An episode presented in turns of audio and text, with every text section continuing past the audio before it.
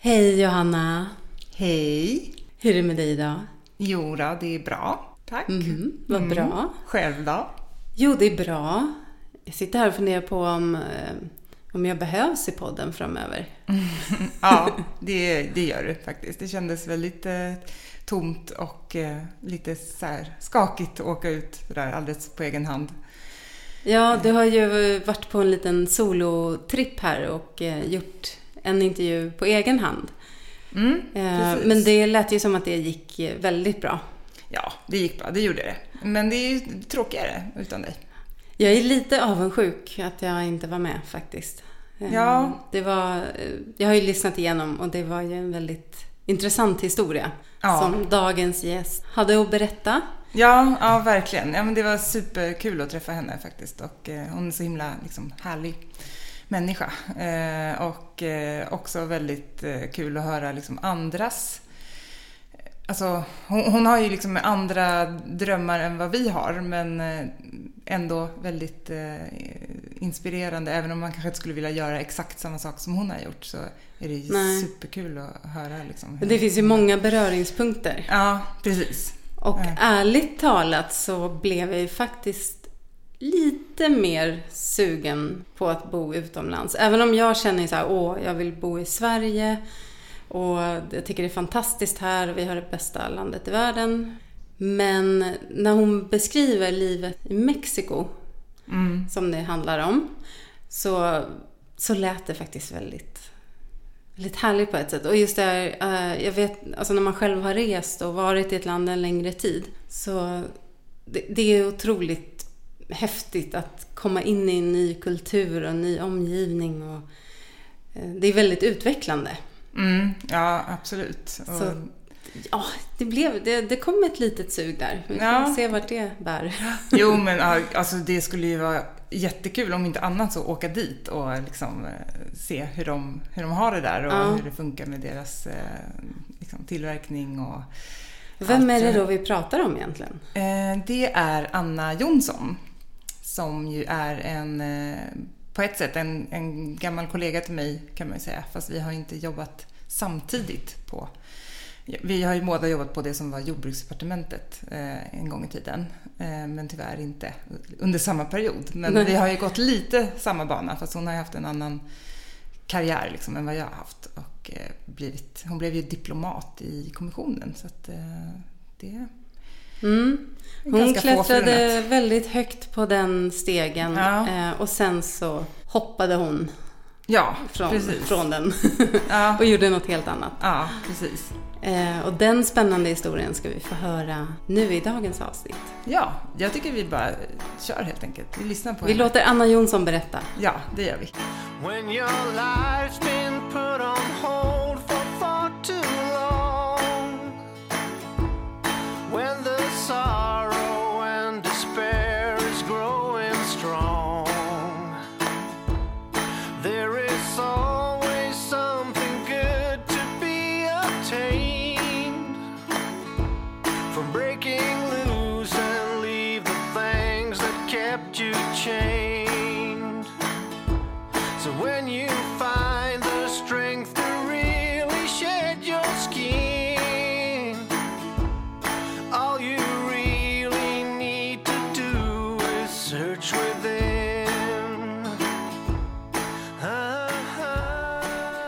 Är vi igång nu då?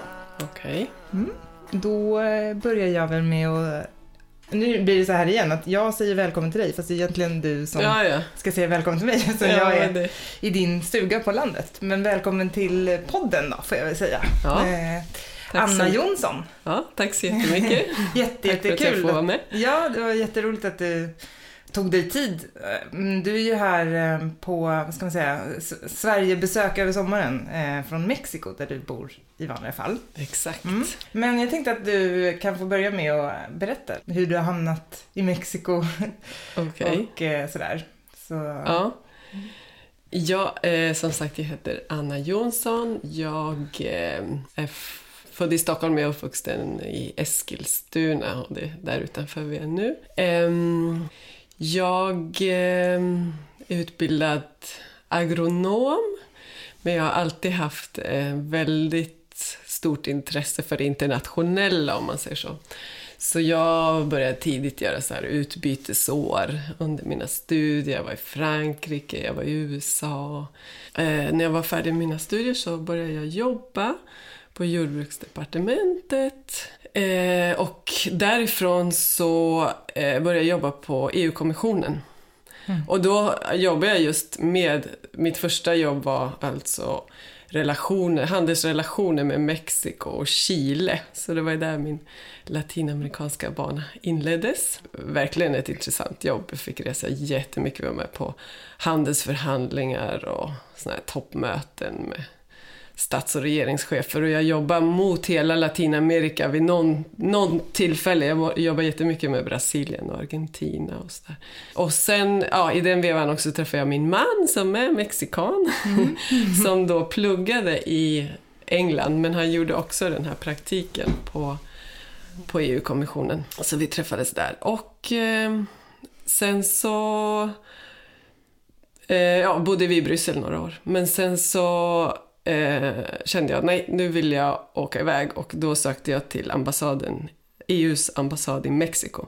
Så då blev jag utsänd där och eh, sen när jag väl var där så kände jag bara att nej, jag vill inte åka härifrån.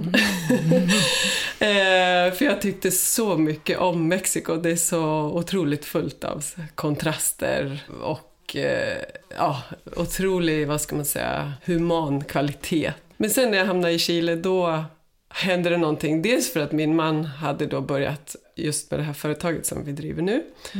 Alltså han började med det på egen hand? Ja, liksom. precis. Fast eh, jag var ju liksom alltid, jag pushade alltid honom att han skulle göra det. Men vi var väl otroligt naiva för att men jag hade ungefär ett år kvar på mitt förordnande när han började med det där. Och typ i samma veva som vi var tvungna att flytta till Chile så kom produkten ut på marknaden då. Vi, vi tillverkar mescal som är en spritdryck. Från, främst från södra Mexiko. Till slut så blev det ju så att jag spenderade större delen av tiden själv nere i Chile. Jag var inte alls lika förtjust i Chile som, som i Mexiko. Kanske hade lite otur med chefer och så här. Och så blev jag chef själv och bara fick brottas med en massa administrativa grejer. Så det var ganska många faktorer eh, och jag var faktiskt rent ut sagt olycklig när jag var där nere. Och eh, då var jag hemma här i Sverige en sommar och då hade jag bara varit där ett, ett år. Och jag kände, nej det går inte längre. Det går inte.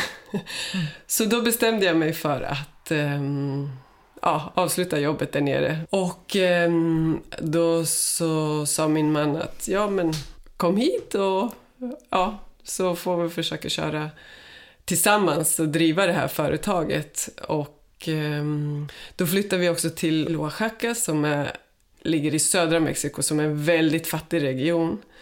Fast den är otroligt rik på kultur och hantverk och ja, mescal då till exempel. Ehm, som är, om man säger, drycken är lik tequila för den är gjord på agave. Den också, men den är mer Agave är en kaktus? Det är en eller kaktus, Ja, ja. det. Mm.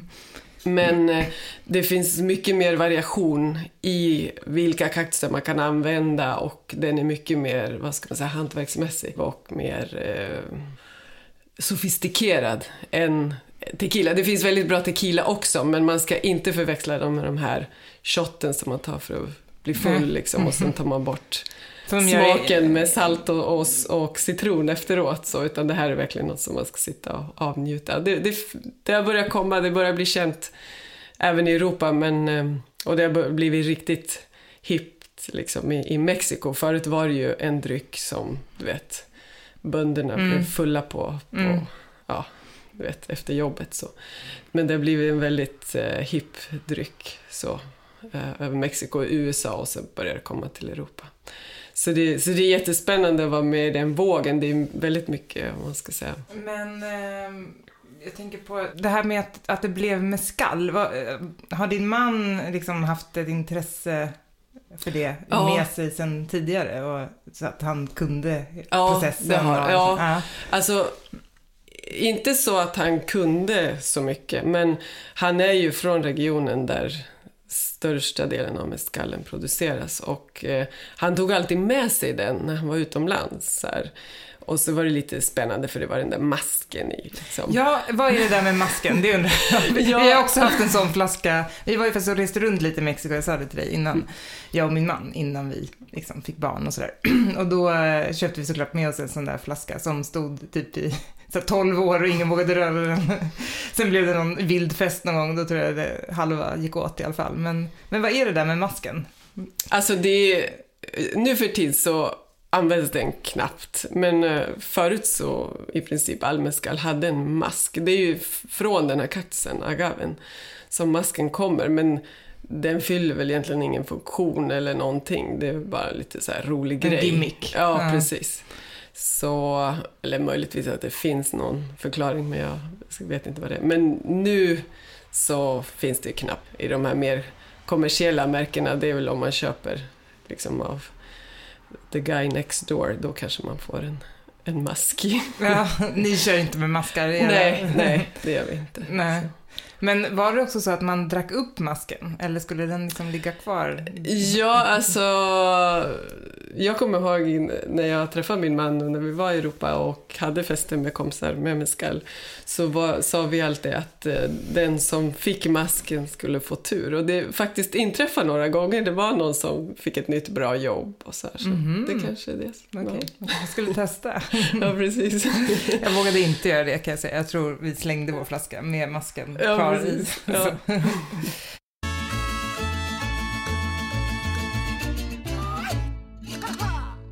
Eh, ja, men då var det alltså så att du eh, bestämde dig för att släppa ditt eh, fina eh, diplomatjobb, som Ja. det väl faktiskt var. Det var ju ändå en Ja, ganska... Alltså, alltså- Om, man, om man inte har varit... Jag har ju varit i den här världen själv, så jag vet ju vad det innebär att liksom få ett chefsjobb i kommissionen och en utlandsplacering. Så här. Det är ju, för, det, för Ja. många skulle det här verkligen vara... Det här är ju, att du hade nått liksom, Ja. drömmens eh, mål på något sätt. Att det är så här, du sitter där och har ett eh, Ja. toppjobb i kommissionen och ja, men som Ja. du Fast jag kunde nog känna så här att, att faktiskt, eh, jag vet inte om andra skulle hålla med om det här, men ingen lön i världen kan, kan kompensera om man inte är lycklig liksom. Jag kunde kanske liksom vara upprörd över saker. Jag kände mig kanske som lite fast i systemet. Också i Mexiko, Mexiko är ett ganska stort land och då kände man ändå liksom att man hade lite respons från Bryssel när man skickade rapporter och det var besök och så här. Men Chile är ett ganska avlägset, väldigt litet land. Och jag kommer ihåg att vi satt och skrev rapporter som i princip ingen läste. Och det kändes så omotiverande. Eh, och jag tänkte så här, jag kan ju sitta här nästan och rulla tummarna och ingen, ingen märker det liksom. Och det var så otroligt otillfredsställande. Och det kan jag känna nu när, när vi har liksom, vi har ju vår egen produkt. Eh, vi är väldigt stolta över vår design på flaskan och vårt koncept. Och, och det är en otrolig tillfredsställelse att jobba med de här eh, vi jobbar med två bröder som är de som destillerar åt oss. Vara ute där i byn. Man åker dit, det är som att åka tillbaks i tiden nästan. Man, de går med jätter, kommer ner på eftermiddagarna, kommer de ner från att ha vallat jätterna uppe i bergen. Eh, man ser åsnorna på gatan, korna. Alltså det är så otroligt, jag tror kanske för oss västerlänningar, jag, jag märker det är ju väldigt eh, eh, attraktivt för turister att åka till Oaxaca. Det är jättemycket amerikaner och europeer Ja, som vi var ju där också Ja. på vår lilla runda. Eh, och folk älskar ju det där, liksom det genuina. Kanske lite tillbaka till rötterna, jag vet inte. Men just det, det är sån otrolig tillfredsställelse också att kunna hjälpa de här två bröderna. För det, jag menar, de bor ju i en fattig by. Nu börjar det ju gå bra för dem tack vare att vi jobbar tillsammans. Då. Eh, men att, att kunna hjälpa dem liksom, och att vi säljer deras mezcal som de gör och att vi jobbar tillsammans och utvecklar tillsammans. Eh, och, och just det här, bara sälja en flaska och få betalt för den, det ger en sån otrolig tillfredsställelse som en rapport som man skriver som knappt någon läser. Ehm, det, det går liksom inte att jämföra. Nej, jag vet ju mycket väl precis vad du pratar om eftersom jag ju kommer från, som sagt, lite samma håll själv och också haft den där känslan väldigt många gånger att så här, här sitter, och inte bara jag, utan det är liksom hundratals människor som sitter och skriver och skriver och skriver och man producerar så otroligt mycket dokument av olika slag. och vissa är såklart liksom jätte, alltså de blir ju verkligen lästa och använda, men det är också väldigt mycket som eh, tror jag bara hamnar på hög någonstans och har gjorts liksom i onödan. Och det, ja, det är Ja, ingen nej. härlig känsla. Nej, det är ju inte konkret alltså. Nej, det är ju inte det. Det, Nej. det är det jag också har känt så himla många gånger. Att, det, att man lever verkligen uppe i någon slags konstig bubbla. Eh, som Mm. bara, allting känns så otroligt fluffigt hela Ja, tiden. precis, Till slut så ja. blir man nästan tokig och bara längtar efter att få sätta sig liksom, bara i en affär och så här, ta emot pengar från någon kund och ge dem en burk sylt. Eller liksom, Ja, precis. att det Ja. liksom, ja. För, för det kan jag känna, vi har hört de andra poddarna om att folk känner att de längtar till det här naturen och närheten och det mer konkreta. Och jag kan, jag kan verkligen förstå det. Jag vet inte om alla människor funkar på samma sätt, men jag tror nog ändå att vi har någonstans inom oss något så här biologiskt som är liksom, vi mår bra av att vara nära naturen, av att göra saker konkret. Jag kan tänka mig att förr i tiden så kanske man fick så här tillfredsställelse av att okej, nu har jag plockat, eller förr i tiden, nu för tiden också, eh, plockat 20 liter körsbär och saftat dem så här. Medan nu kanske man säger, åh, jag har fått 50 likes på Facebook. Ja. Och det är så här en quick fix, liksom. Men den ger ju ingen djupare tillfredsställelse, tror jag. Nej, och det är väl det Eh, som, som börjar... jag känner i alla fall. Mm. Liksom. Nu jobbar jag kanske inte så direkt så mot, mot naturen, men det är ju ändå väldigt konkret det, det vi gör. Mm. Ja, och det är ju ändå jag menar, en- någon form av naturprodukt Jo, det är ju det. som ni Ja. framställer från de här kaktusarna. Och, Ja, liksom. precis. Att, eh, det kan man väl nästan säga, tycker jag. Ja, Eh, men du får jättegärna berätta lite mer om eh, det här, alltså själva tillverkningsprocessen och hur det liksom fungerar, och hur ert företag fungerar, hur många ni är och Mm. liksom. vi, ehm, om man säger om man börjar från början, om man gör med skall, då använder man agave som är en kaktus som, eh, det finns olika, heter det arter av? Nej, Nej, agave är eller? sorter. Ja. är det, Ja. Eh, olika typer av agaves. Så i mezcal så kan man använda ganska många. I tequila så är det bara en sort. Liksom. Eh, och vi har specialiserat oss på viltväxande agaves. Eh, vi har en agave som man kan eh, odla som är espadin som bara tar sju, sju år på sig att bli mogen.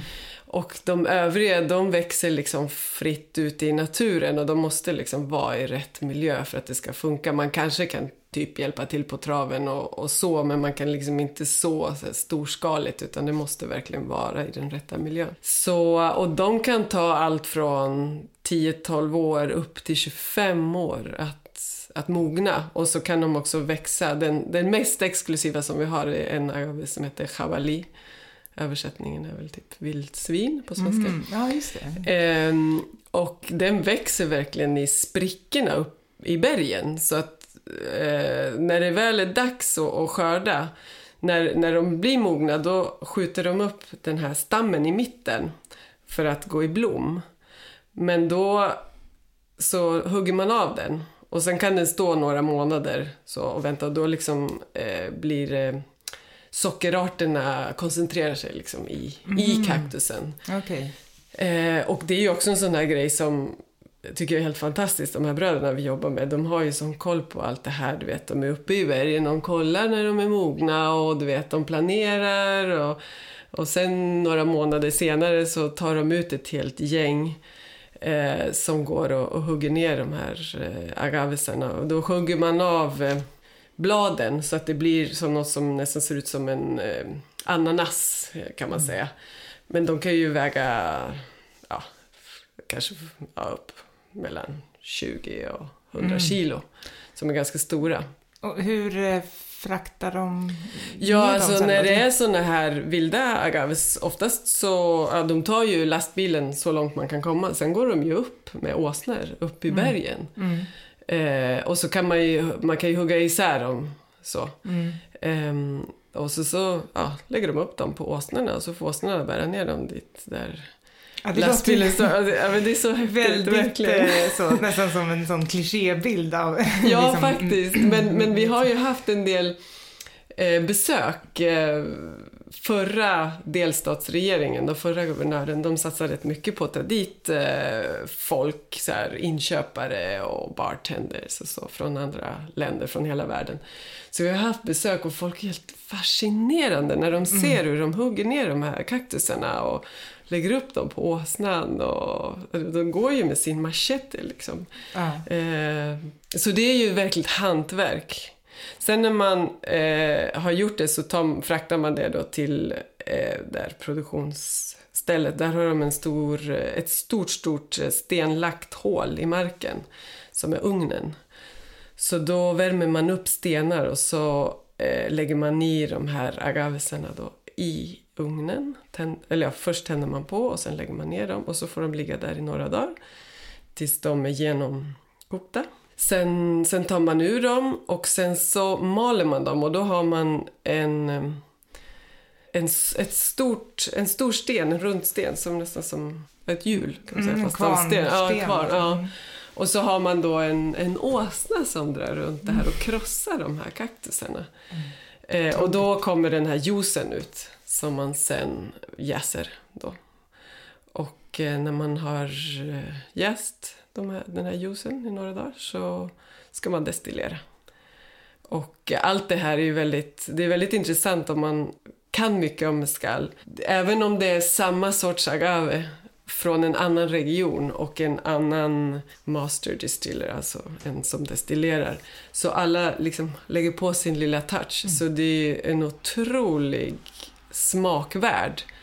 Eh, dels beroende på vad det är för typ av agave, dels var den är producerad, vilket vatten man använder vid fermentationen och den här personen då som, ja, vad han lägger för touch på det hela. För det, det är ju väldigt, rätt mycket smak av rökt också eftersom det ligger i ugnen då. Mm, Okej, ja, så det är därför det smakar. Vi har ju smakat mescal några gånger. Det, Ja. ja, det är därifrån det kommer, inte från själva kaktusen. Nej, precis. Nej. Och det är ju skillnad med tequila också för där är det ju mer ugnar om man säger Ja, det- industrialiserat. Låter ju som en ganska avancerad eh, produkt ändå. Ja, Det är inte ja, Coca-Cola, det, liksom. ja, men det är verkligen det. Och, och, och det är ju en sak som man... På ett sätt så är det väldigt lätt att säga så, ja, men för att folk ska få veta vad det är. Liksom. Ja, men mezcal är som tequila. Fast det är ju inte som, tequila, som tequila. Man måste ju verkligen undervisa konsumenterna i vad det är. För det är ju liksom som med vin. Mm. En druva smakar inte som en annan. Liksom. Eh, och det är likadant här. En agave smakar inte som en annan. Så att, eh, ja, nej, det är verkligen en fascinerande process och det är verkligen ett hantverk. Mm. Tycker du om mescal själv? Eller? Ja, det gör jag fast jag tycker nog att det är lite starkt. Så vi säljer ju de starkaste som är just gjorda på vilda agaves för att de ska liksom nå sin maxpunkt i smak. Så säljer vi dem till 46 procent. Det är ganska starkt. Ja, det är rätt starkt. Men det som jag tycker... Vodka brukar väl ligga på 38? Ja, typ. Ja, Ja. Mm. Ehm, jag tycker jättemycket om drinkar på mezcal. Men då har man ofta espadin eftersom eh, ja, det är den, det är den enk- enklaste. enklaste sorten. Det som ja. bara tar sju år. Ja, precis. Ehm, och sen så um, kan jag, något som jag tycker är så himla häftigt, när, för när, när mezcalen eh, kommer ut, när den är nydestillerad, så kommer den ut till typ 60-65 procent. Man prövar det då när den kommer ut varm. Fastän det är så otroligt stark alkoholsmak så känner man ändå liksom smaken under, om man säger, av agaven. Och, och det är så himla häftigt, verkligen. Det är som nybakta bullar eller vad vet jag, ny eh, vad säger, mjölk som man precis har mjölkat från kossan. Men det är väldigt speciellt faktiskt. Så. Nybakta bullar för tuffingar. Ja, precis. Ja. Så, ja. Ja. Ehm, men och hur stort är företaget nu? Är det, det är du och din man och sen har ni några, alltså, har ni någon slags samarbete med de här två Ja, precis. då? Ja, det har vi. Eh, nu är vi, jag räknar faktiskt efter, vi är 11 sammanlagt. Vi har en ingenjör som är ansvarig för produktionen. Vi har äntligen en revisor, slapp jag den biten. För jag har mer varit åt det administrativa hållet. Min man är väldigt duktig på säljbiten. Och det, det är inte min grej riktigt. Men, eh, så jag har hållit på, jag har koll på administrationen men nu har jag börjat med exporten. Som då ligger väldigt nära till hands eftersom jag faktiskt har förhandlat frihandelsavtal eh, och kan en del om handelsfrågor. Men jag inser ju att det är en annan värld, det jag gjorde förut, där, det var mer liksom handelspolitik. Just det, Och det här nivå, är så liksom. otroligt praktiskt. Eh, så- Men nu känner jag, nu är jag väl, kan, jag väl säga att jag verkligen är handelsexpert. Ja, på alla plan. Ja, liksom. precis. Ja. Så, ja, det var bra. Då hade du ändå lite användning av dina tidigare ja, år. absolut. ju. Ja, Mm. faktiskt. Ja. Det som ju tror jag känns, eller när man sitter och hör din historia, så är det så här att det måste finnas tusentals, förut, alltså det är svårt nog att bara starta ett företag i Sverige som svensk liksom. Mm. Men just att kunna manövrera hela så här, den mexikanska kulturen och byråkratin och sen vet vi, alltså det finns väl ganska mycket korruption och andra delar av, eller Ja. andra problem än man, man kanske stöter på här. Hur, hur har det funkat för er? Har det varit eh, Jo, alltså, svårt? alltså min man är ju då mexikan. Så att det har ju, han är ju liksom stommen om man ska säga i företaget. För att ehm, det är ju något helt annat, tror jag, än att driva företag i Sverige. Det är ju mycket mer komplicerat. Mm. Ehm, men jag måste ändå säga att korruption och sånt där, det behöver man inte riktigt konfronteras med. Nej, okej. Eh, det kan ju vara något så här typ att, ja ah, men om du vill sälja på vår bar eller vår kedja av restauranger så vill vi ha lite betalt. Liksom att ni betalar för att vi ska ta in er produkt. Men det, det är väl inte korruption på det sättet. Så att det, det tror jag inte. Man hör ju mycket historier om saker som man inte tycker så mycket om. Men eh, inte så att det har drabbat oss direkt. Nej men jag har, jag har lärt mig, nu, nu tror jag faktiskt att för mig är det väldigt svårt att säga så här att ja, ja, men jag har lärt mig det här och det här. För det är sånt som man glider in på och lär sig. Eh, det som jag tycker är helt fantastiskt med Mexiko, det är att allting alltid ordnar sig. eh, man har liksom jättestora problem, man är alldeles för sent ute och så här. Men det ordnar sig alltid. Eh, och det bygger ju väldigt mycket på personliga relationer. Det är en sak som jag har fått lära mig. Att eh, jag så här, tar upp telefonen eller skriver ett e-mail. Ja, ah, men nu får ni fixa det här. Så. Eh, och min man säger nej, du måste gå dit och prata med dem och typ snälla kan du ge de här schyssta, kan du göra mig den här tjänsten? Så. Ah, okej. Eh, det är väldigt stor kulturell eh, skillnad tror jag från Sverige för där är det så här, du där, vet, skickar jag ett e-mail till någon på något vad vet jag, Skatteverket eller vad det kan vara, så får jag liksom tillbaks ett svar. Där är det inte så, utan Nej. då får man verkligen insistera och gå och besöka personen, då får man svar liksom. mm, då bygger du lite på att de här personerna finns hyfsat i närheten av en då. Annars Ja, precis. Ja. Och sen ibland är det ju också, det kanske i och för sig är lite lerat i kor- korruption, att man har kontakter. Mm. Eh, ibland måste man faktiskt liksom, du vet, namedroppa lite. Ja, men jag är kompis med den där. Mm. Så att de vet att du har inte med vem som helst att göra här. Mm. Inte så mycket jag kanske, men min man han har ju väldigt bra kontakter från tidigare när han har pluggat utomlands med vissa mexikaner som har väldigt höga positioner och så där idag. Då kan han liksom namedroppa, ja ah, men min kompis si och så. Och det hjälper, tyvärr. Ja. Men det hjälper. Ja, det är nog likadant överallt. Så är det ju här också väldigt mycket. Ja. Att, eh, ja.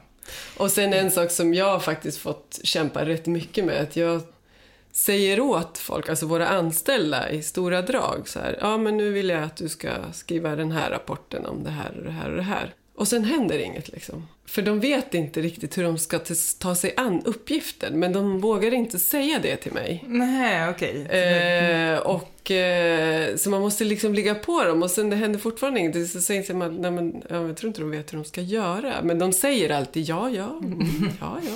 Mexikaner kan aldrig säga nej. Nej, okej. Man märker att de blir obekväma men de säger aldrig nej. Men man förstår att de säger nej fast Ja. de inte gör det. Så det är en sak som jag har fått faktiskt jobba rätt så mycket med för jag är för godtrogen. Jag tror, ja, ja men jag sa ju åt henne. Då kommer det ju hända liksom. Men tror du att du hade kunnat liksom driva företaget alltså utan din man? Eller är det så att man nästan måste ha liksom en, eh, en anknytning dit och kunna kulturen och ja, alla de här hemliga koderna som man kanske inte uppfattar Ja. som... Svårt att säga. Nu, efter att jag gjort den här förändringen i mitt liv, för jag känner också att jag kanske blev väldigt bekväm med mitt förra jobb. Så här, då hade jag typ fyra nivåer med chefer Mm. ovanför mig, så att då var liksom allting skulle ändå alltid kollas av och man tog inte, man tog inga det. beslut Man själv och sådär. Eh, men nu har jag liksom blivit mycket mer så här exekutiv. Liksom. Nu ska vi göra det här, nu får vi ta tag i det där och inte ställa mig själv så många frågor. Tänk om man gör så här och vad händer då? Så, här. Eh, så nu skulle jag nog klara av att driva det. Men i början när jag kom, då tror jag inte att jag hade klarat av det. För då var jag nog lite grön och hade väldigt mycket kvar att lära. Och framförallt kanske det här med hur man ska ta människor och hur man ska få saker gjorda och sådär.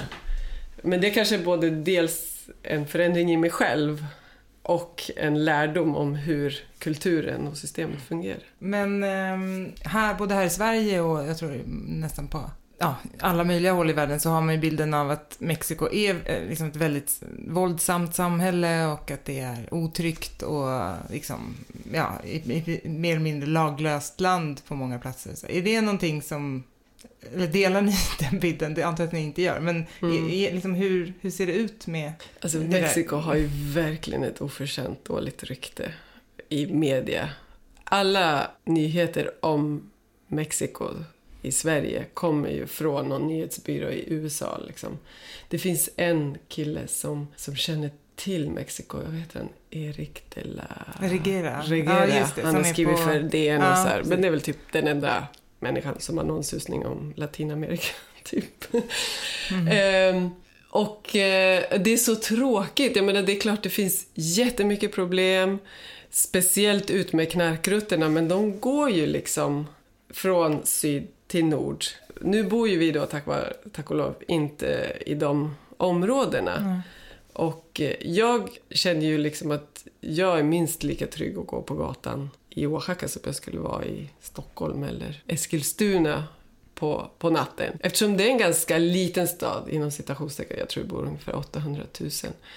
Eh, nu bor ju vi då i bättre område och så här, men nej, jag, kan inte känna, jag känner mig inte otrygg eh, på något vis. Däremot så måste man ju vara, vara försiktig. Det är ju en sak som vi upplever här på somrarna i Sverige, att barnen har ju så mycket mer frihet än vad de har där, för där måste de ju alltid vara med en vuxen. Men och vad kan hända annars då? Jag tänker om det ändå är ett tryggt område. Liksom. Vad är, Ja, det, vad är det det man är är rädd svårt, för? Liksom? för att eh, de kan ju bli kidnappade. Det kan Mm. de ju här också. Men jag har ju då aldrig hört talas om någon i min närhet som har fått sitt barn kidnappat. Men mexikanerna är otroligt nojiga över Just den över här, kidnappningen. Ja, över Ja. den här möjligheten att de kan bli kidnappade. Så, och det är klart, jag menar, i Mexico City så där, då kan det ju vara så.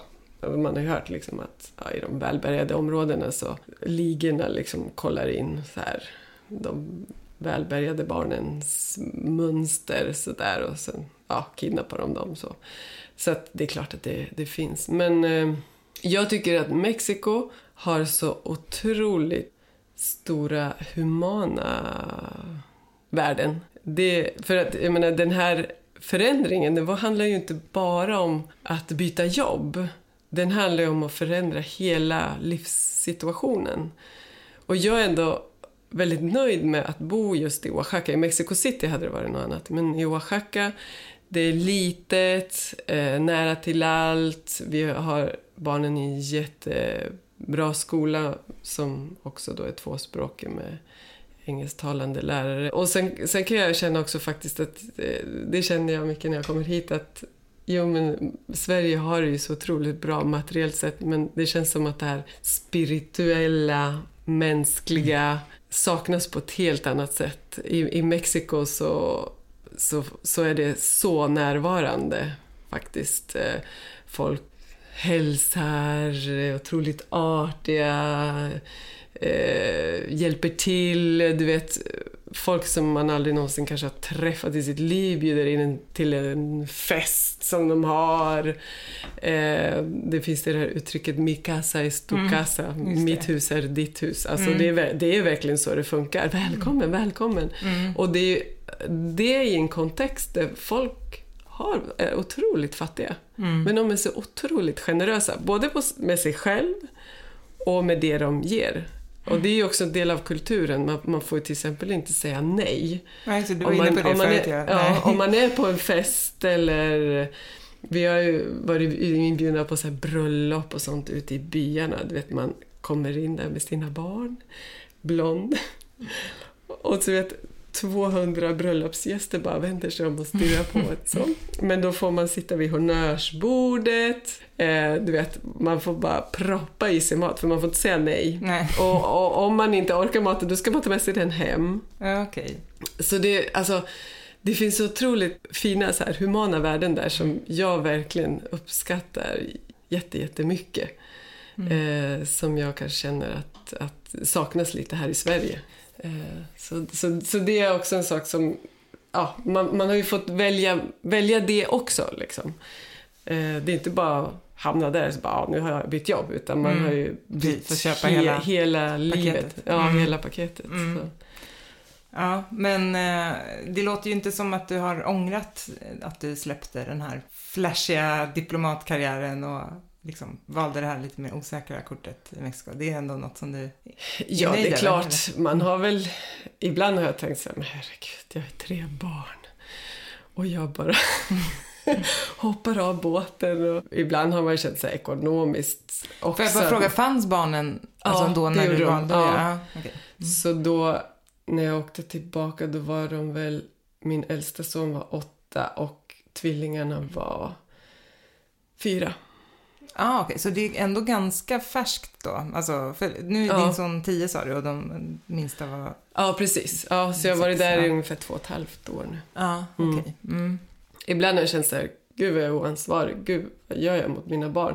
Och vi har ju också så här, du vet, om vi nu har haft pengar då har vi liksom återinvesterat de pengarna. Så det har ju varit väldigt, och det har faktiskt jag lärt mig jättemycket av själv för att jag menar, man, när man har en så här bra inkomst, bara, ja men jag köper det här och jag behöver nog det där. Ja men den där var fin. Och nu har vi verkligen liksom, både min man och jag sagt nej men det där är inte nödvändigt och det där behöver vi inte och det där. Och det är klart, vi har försökt ge liksom, ah, lite leksaker till barnen men sen också börjar jag känna så här, men det är helt otroligt liksom.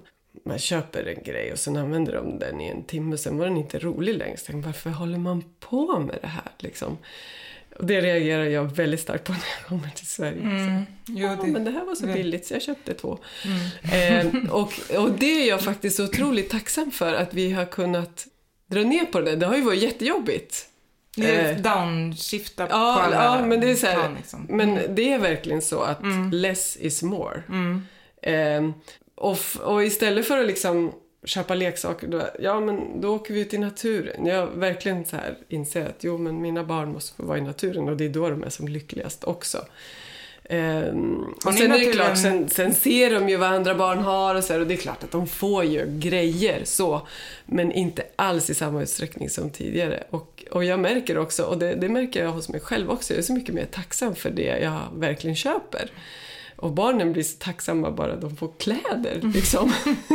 Det behöver Åh, ska vi inte få vara... kläder Ja, precis. Det behöver inte vara super mega legot. Okej, de älskar lego. Men, eh, och det tycker jag är så skönt. Att ha kommit bort Mm. Ja, det från det där. Och just också i och med att, okej det finns ju så stora varuhus och malls och sånt där i, i Oaxaca också. Men det ligger liksom lite längre bort så man är nästan aldrig där. Så man har inte den här In på sig, visuella. Mm. kontaminationen med intryck så här, och reklam och köp det Mm. och titta där i det skyltfönstret. Och, och, så det har också varit en resa faktiskt som... Och jag känner så här, om, nu har vi äntligen liksom börjat få så här, ekonomi i företaget.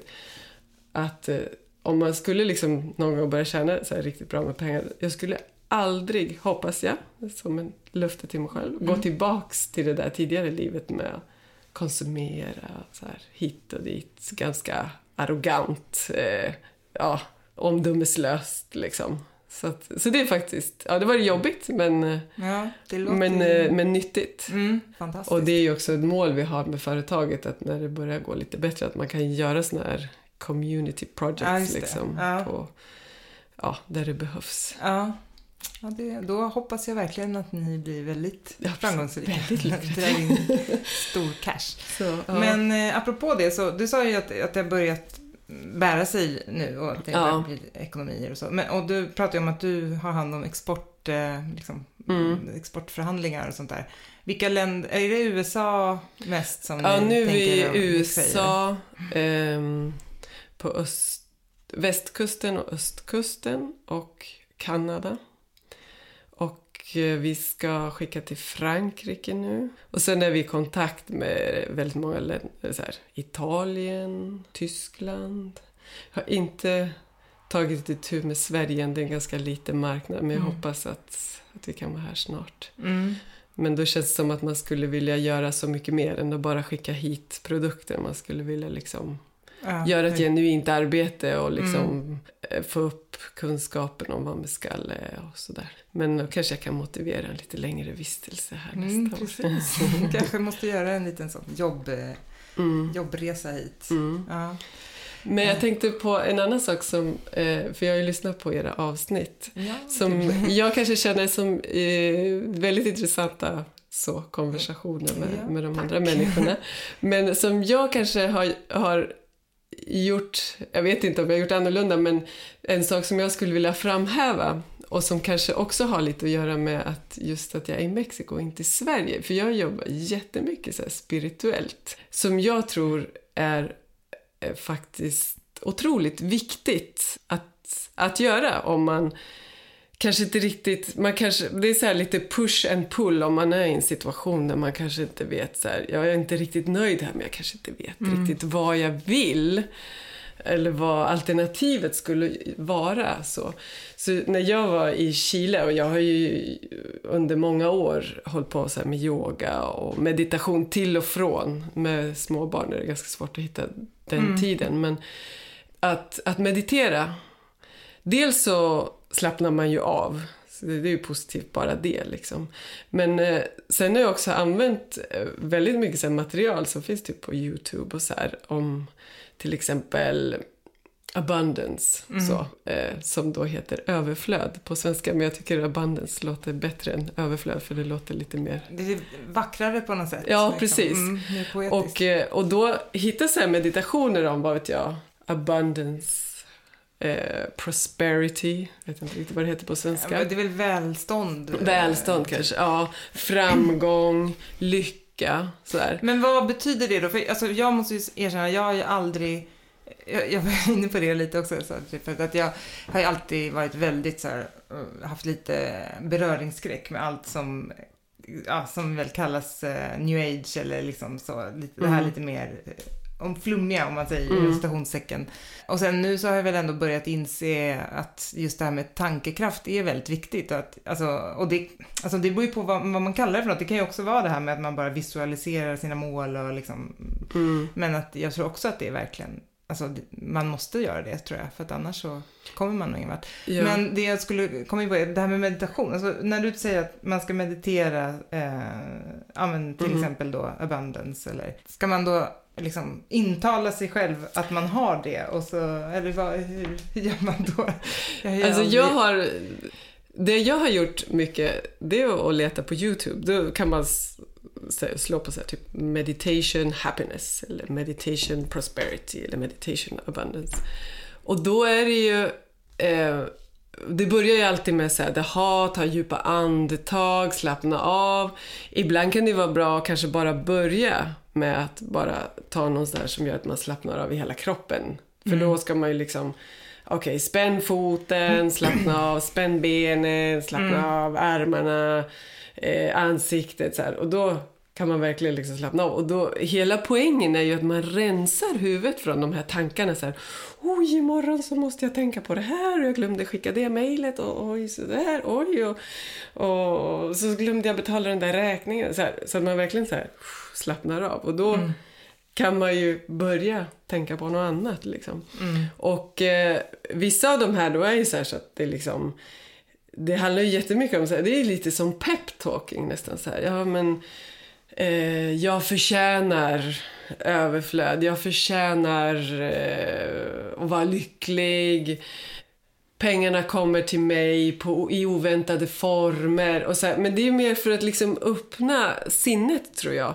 För eh, också att jag skulle vilja rekommendera jättemycket en bok av Louise Hay som jag kom i kontakt med, jag tror det var typ 2006.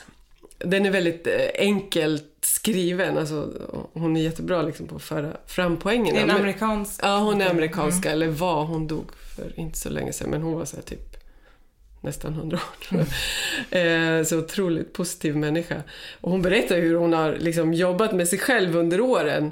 Hon menar ju på till exempel att man kan kura cancer och sådär med positiva tankar. Men det kanske man ska ta med en nypa salt. Men hennes poäng är ju så hela tiden att Ja men varför tänker du så här, åh gud jag är så trött på mitt jobb. Jag har så dåligt jobb eller jag är inte nöjd med det här och så.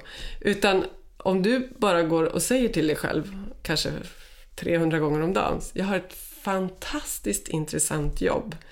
Eller jag kan försörja mig på egen hand. Eller bara går och repeterar, repeterar, repeterar. Då, då får du ju in det som ett nytt tänkesätt. Och varje gång du kanske har en negativ tanke, då kan du bara slå bort det med den här. Alltså det är, det är jättestort jobb och det är ingenting som går på en dag heller. Utan man måste ju verkligen så här Mm. vara, insistera, insistera, insistera. Men just hennes bok eh, är ju jättebra för hon är verkligen så här, ja men alla har ju så här begränsade tankar om sig själv. Lite så här poverty thinking liksom. Ah men jag är lite för tjock och jag är lite för lång och eh, jag är inte så bra på det där och så här. Men istället för att tänka på allt det man är bra på och kanske inte tänka på det här som man inte är då. då. Utan istället för att tänka negativt eller säga så här, "Eh, jag tjänar inte så mycket pengar. Tänka, jo, men jag tjänar pengar och då slår man bort den där tanken på att man inte tjänar pengar. om man säger så. Så, så den boken rekommenderar jag jättemycket. Och sen just de här meditationerna. Men det, det får man väl kanske ja, kolla lite vad som passar en, en själv. För mig låter det väldigt intressant att du säger att det är så här flummigt och väldigt långt bort. Jag Ja. har, alltså jag vet inte, jag tror också att man kommer i kontakt med människor som är öppna för just sånt här. Så för mig är det, och också just i Mexiko, det är väldigt spirituellt. Alltså generellt sett där. Och, eh, så för mig är det inte så konstigt Nej. liksom Nej. längre. Eh, utan det är så här ganska nat- naturlig grej att göra det. Ja, och jag menar, det är väl klart, det är väl inte jättekonstigt. Alltså det är ju faktiskt ganska många som håller på med yoga och alltså, också Mm. meditation och mindfulness är väl någon slags variant av det också. eh, så det, det, det kan jag inte säga att det anses vara konstigt direkt. Men Mm. det finns ju ändå liksom en viss, eh, alltså hela den här, här alltså, jag- yogi Ja.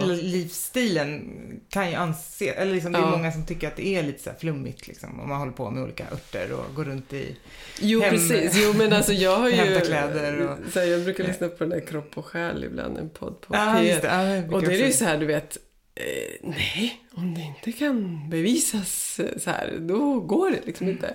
De är i och för sig lite mer öppna kanske än läkare skulle ja, vara. Ja, ja precis. liksom. Läkare är kanske Eh, extrema. eh, och jag blir så jätteförvånad Ja. över att det är så, men det är så, här, det är så olika kulturer Mm. faktiskt. Mm. Men, men jag känner också så här, och, och det är så intressant för jag pratade så här med en terapeut som säger så här, ja men om, om du går och liksom säger jag är lycka, jag är lycka, jag är lycka. Ja men går det ihop med att vara stressad? Ja men det gör det ju inte. För stress är ju liksom att man känner att man inte räcker till. Att eh, man borde göra något annat fast man är här. Att man går och tänker på något annat som man borde göra fast man borde njuta här och nu. Så om alla sådana där tankar, om man kan bara slå bort dem. och säga, Jag är lycka, jag är lycklig, jag är... Vad vet jag, jag är fantastisk. Eh, det säger hon Louise Hay också. Ställ dig och titta dig i spegeln varje morgon och, och säg åt dig själv vilken fantastisk människa du är. Liksom. Eh, och det är ju så här, om inte jag själv tycker att jag är en fantastisk människa, vem ska då tycka det om mig? Men, Men- det är en otrolig process. Det är inte så, så att man bara kan ställa sig en morgon och säga, ja, fantastisk människa. Och sen jag, en- jag är fantastisk. Förlåt, förlåt att jag säger så här. Ja. Det Men det är en väldigt stark grej också att titta sig själv i spegeln och säga det. Det är en jättestark grej för ja. många. Ja, för mig skulle det nog kännas väldigt konstigt, alltså väldigt konstlat liksom. Att Mm. jag skulle känna, jag skulle nog inte känna mig naturlig alls med Mm. det. Men det är säkert också en vanesak kan jag tänka mig. Att liksom, gör man det hundra gånger så kanske det till slut kanske man kan tro på det. Eller ja, liksom, precis. Ja, men det är, så här, Mm. det är liksom fake it till you make Mm. it. Ja, precis. Eh, och om man känner sig ledsen någon dag så bara så här, fejka ett leende. Det är också en jättestor effekt. Ja, det är eh. nog sant. Så. Men det är väl som, också, som du var inne på, att det väldigt, sitter väldigt hårt inne i, i vår kultur här i Sverige. Att just det här att gå runt och bekräfta sig själv och tycka att man är fantastisk. Och liksom, Jo, det, jo, visst, ja, det är ju inte- jantelagen ja, som precis. slår in där kanske. Så, men, eh, men, ja, men jag tror, okej, ja, om man då kanske inte vill tycka att man är helt fantastisk själv, men just det här att man intalar sig själv att ja, men jag har ett intressant jobb. Eller eh, någonting. Mm. Om man nu känner att, ja, att man bara klagar på det man gör, på sina kollegor, på sina arbetsuppgifter. Så här. Och istället säga, jag har ett intressant jobb, jag har ett intressant... Då kommer det ge sig. Och det har jag märkt själv. Att liksom, rätt vad det är, vid rätt tidpunkt så träffar man rätt person eller hamnar i rätt situation.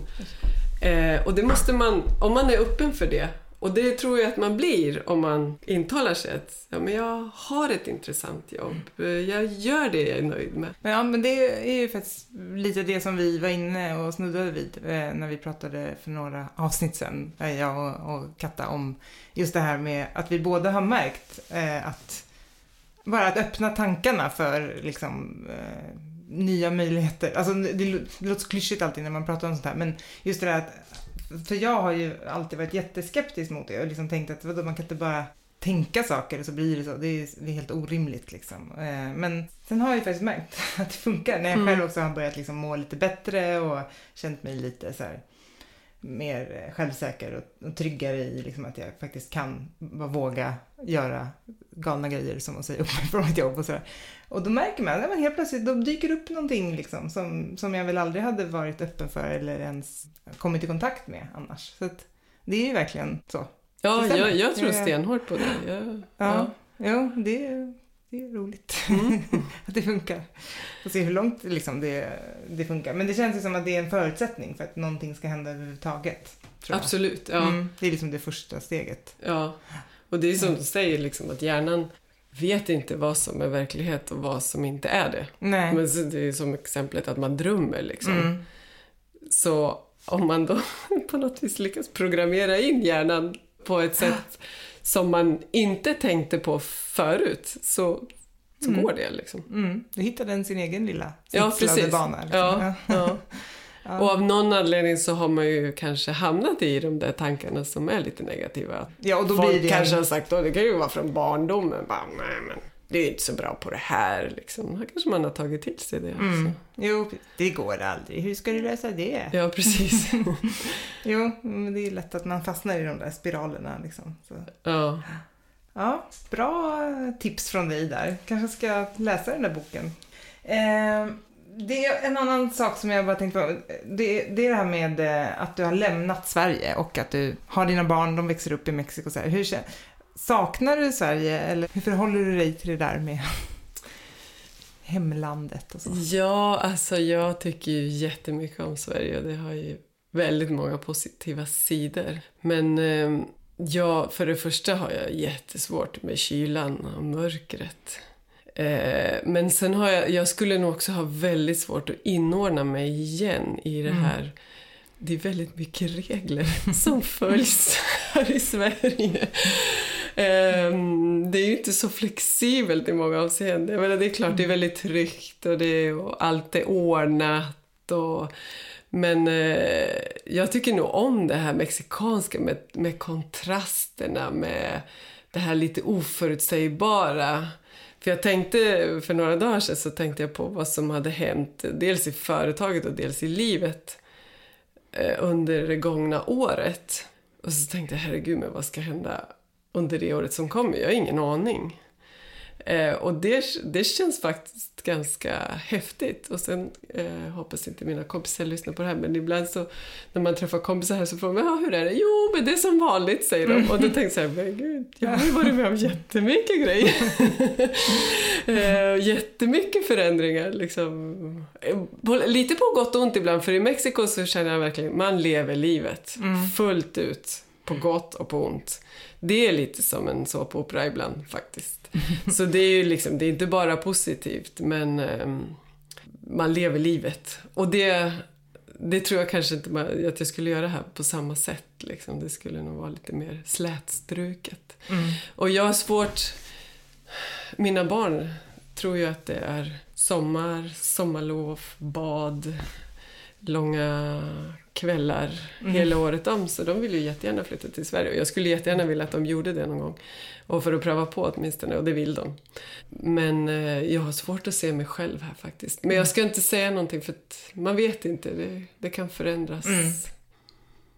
Men, eh, men jag, jag, jag, jag går inte längta tillbaka till Sverige. Det, gör jag inte. det är klart. Jag menar min familj, mina vänner och allt sånt där. Men, men jag gillar Mexiko. Mm. Och så är det ju här varje sommar. Ja, varje sommar kom ja, hit. Och det hade väl, om jag inte fick komma hit varje sommar, då hade jag nog varit ganska ledsen. Men Mm. nu, nu kommer vi ju hit. Vi har ett litet torp här som vi... Mm, där vi sitter nu. Ja, precis. Jätte, verkligen super. Det är verkligen, jag förstår att dina barn tror att Sverige är Bullerbyn. Ja, precis. Det är verkligen det här. Det är otroligt pittoreskt. Ja.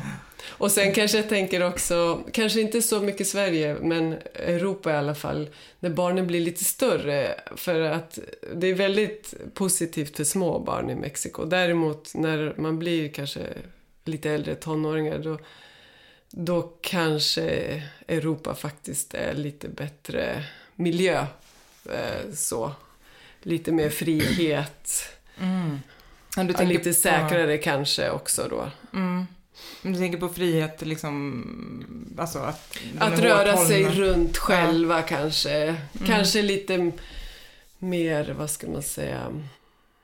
Det blir ju väldigt uppdelat i Mexiko. Det är mycket sociala klasser där. Eh, och är man i en social klass så blir det liksom ett visst stuk. I Europa så finns det ju mycket mer möjligheter liksom att umgås Röra sig över. emellan. Ja. Så, så på det sättet så kanske det är mer positivt när de är äldre. Men Ja, det, Ja, det får visa sig. framtiden utvisa. Ja.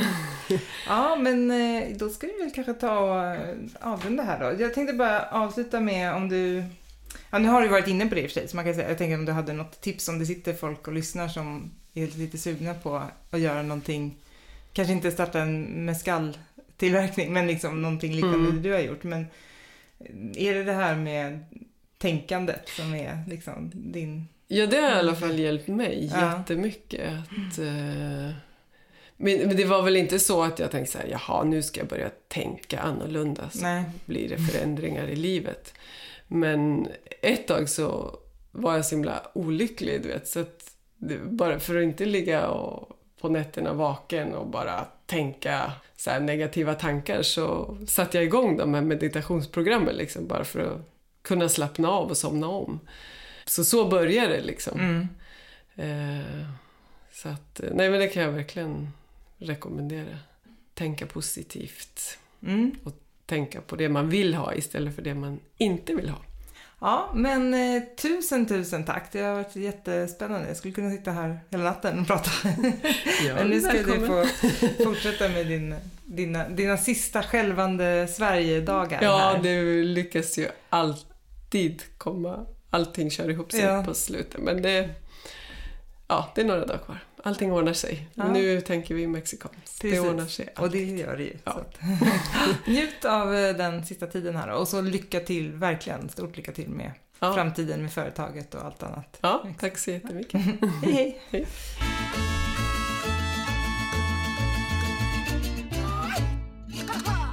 Det var Anna. Vilken historia. Ja, Det- Ja, jag tycker att hon är ascool verkligen. Något som jag tycker var riktigt, ehm, eller en sån bra påminnelse.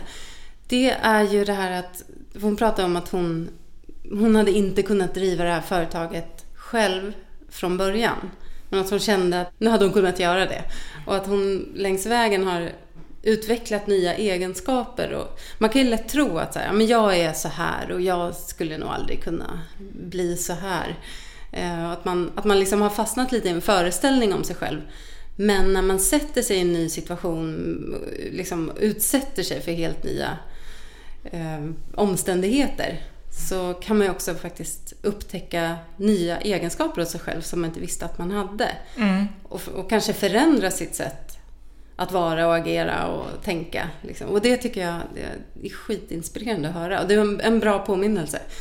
Ja, Att ja det... man är verkligen inte exakt samma person livet igenom utan man, man förändras med upplevelserna och, och förutsättningarna. Ja, och sen också alltså, så som hon har gjort, har liksom haft ett väldigt sådär analytiskt och akademiskt arbete och sen så liksom flytta ut på den mexikanska landsbygden och börja eh, göra liksom kaktussprit, som det ju Ja. faktiskt är. Alltså det är, en, ett, det är ett väldigt, väldigt stort steg kan man tycka. Men att det ändå, hon säger ju också själv att hon har haft mycket nytta av sina tidigare erfarenheter och att hon har kunnat omsätta Ja. mycket liksom, i den här nya tillvaron. Så att, eh, ja, det är ju Ja, en jättespännande. jättehäftig berättelse tycker jag. Ja.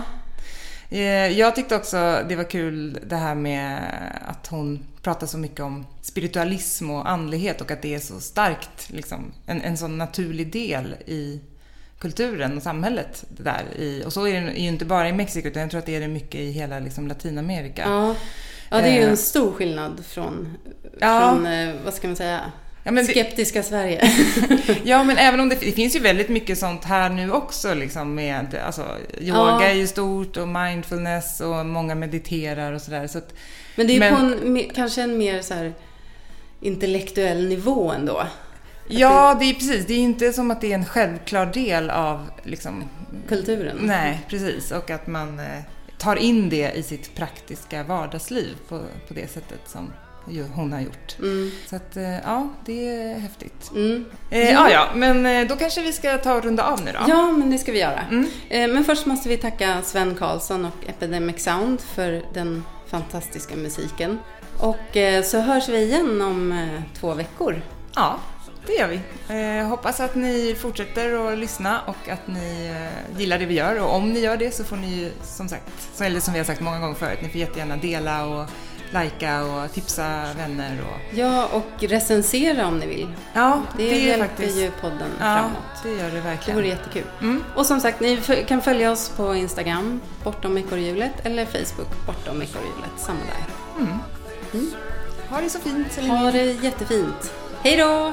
Hej, hej.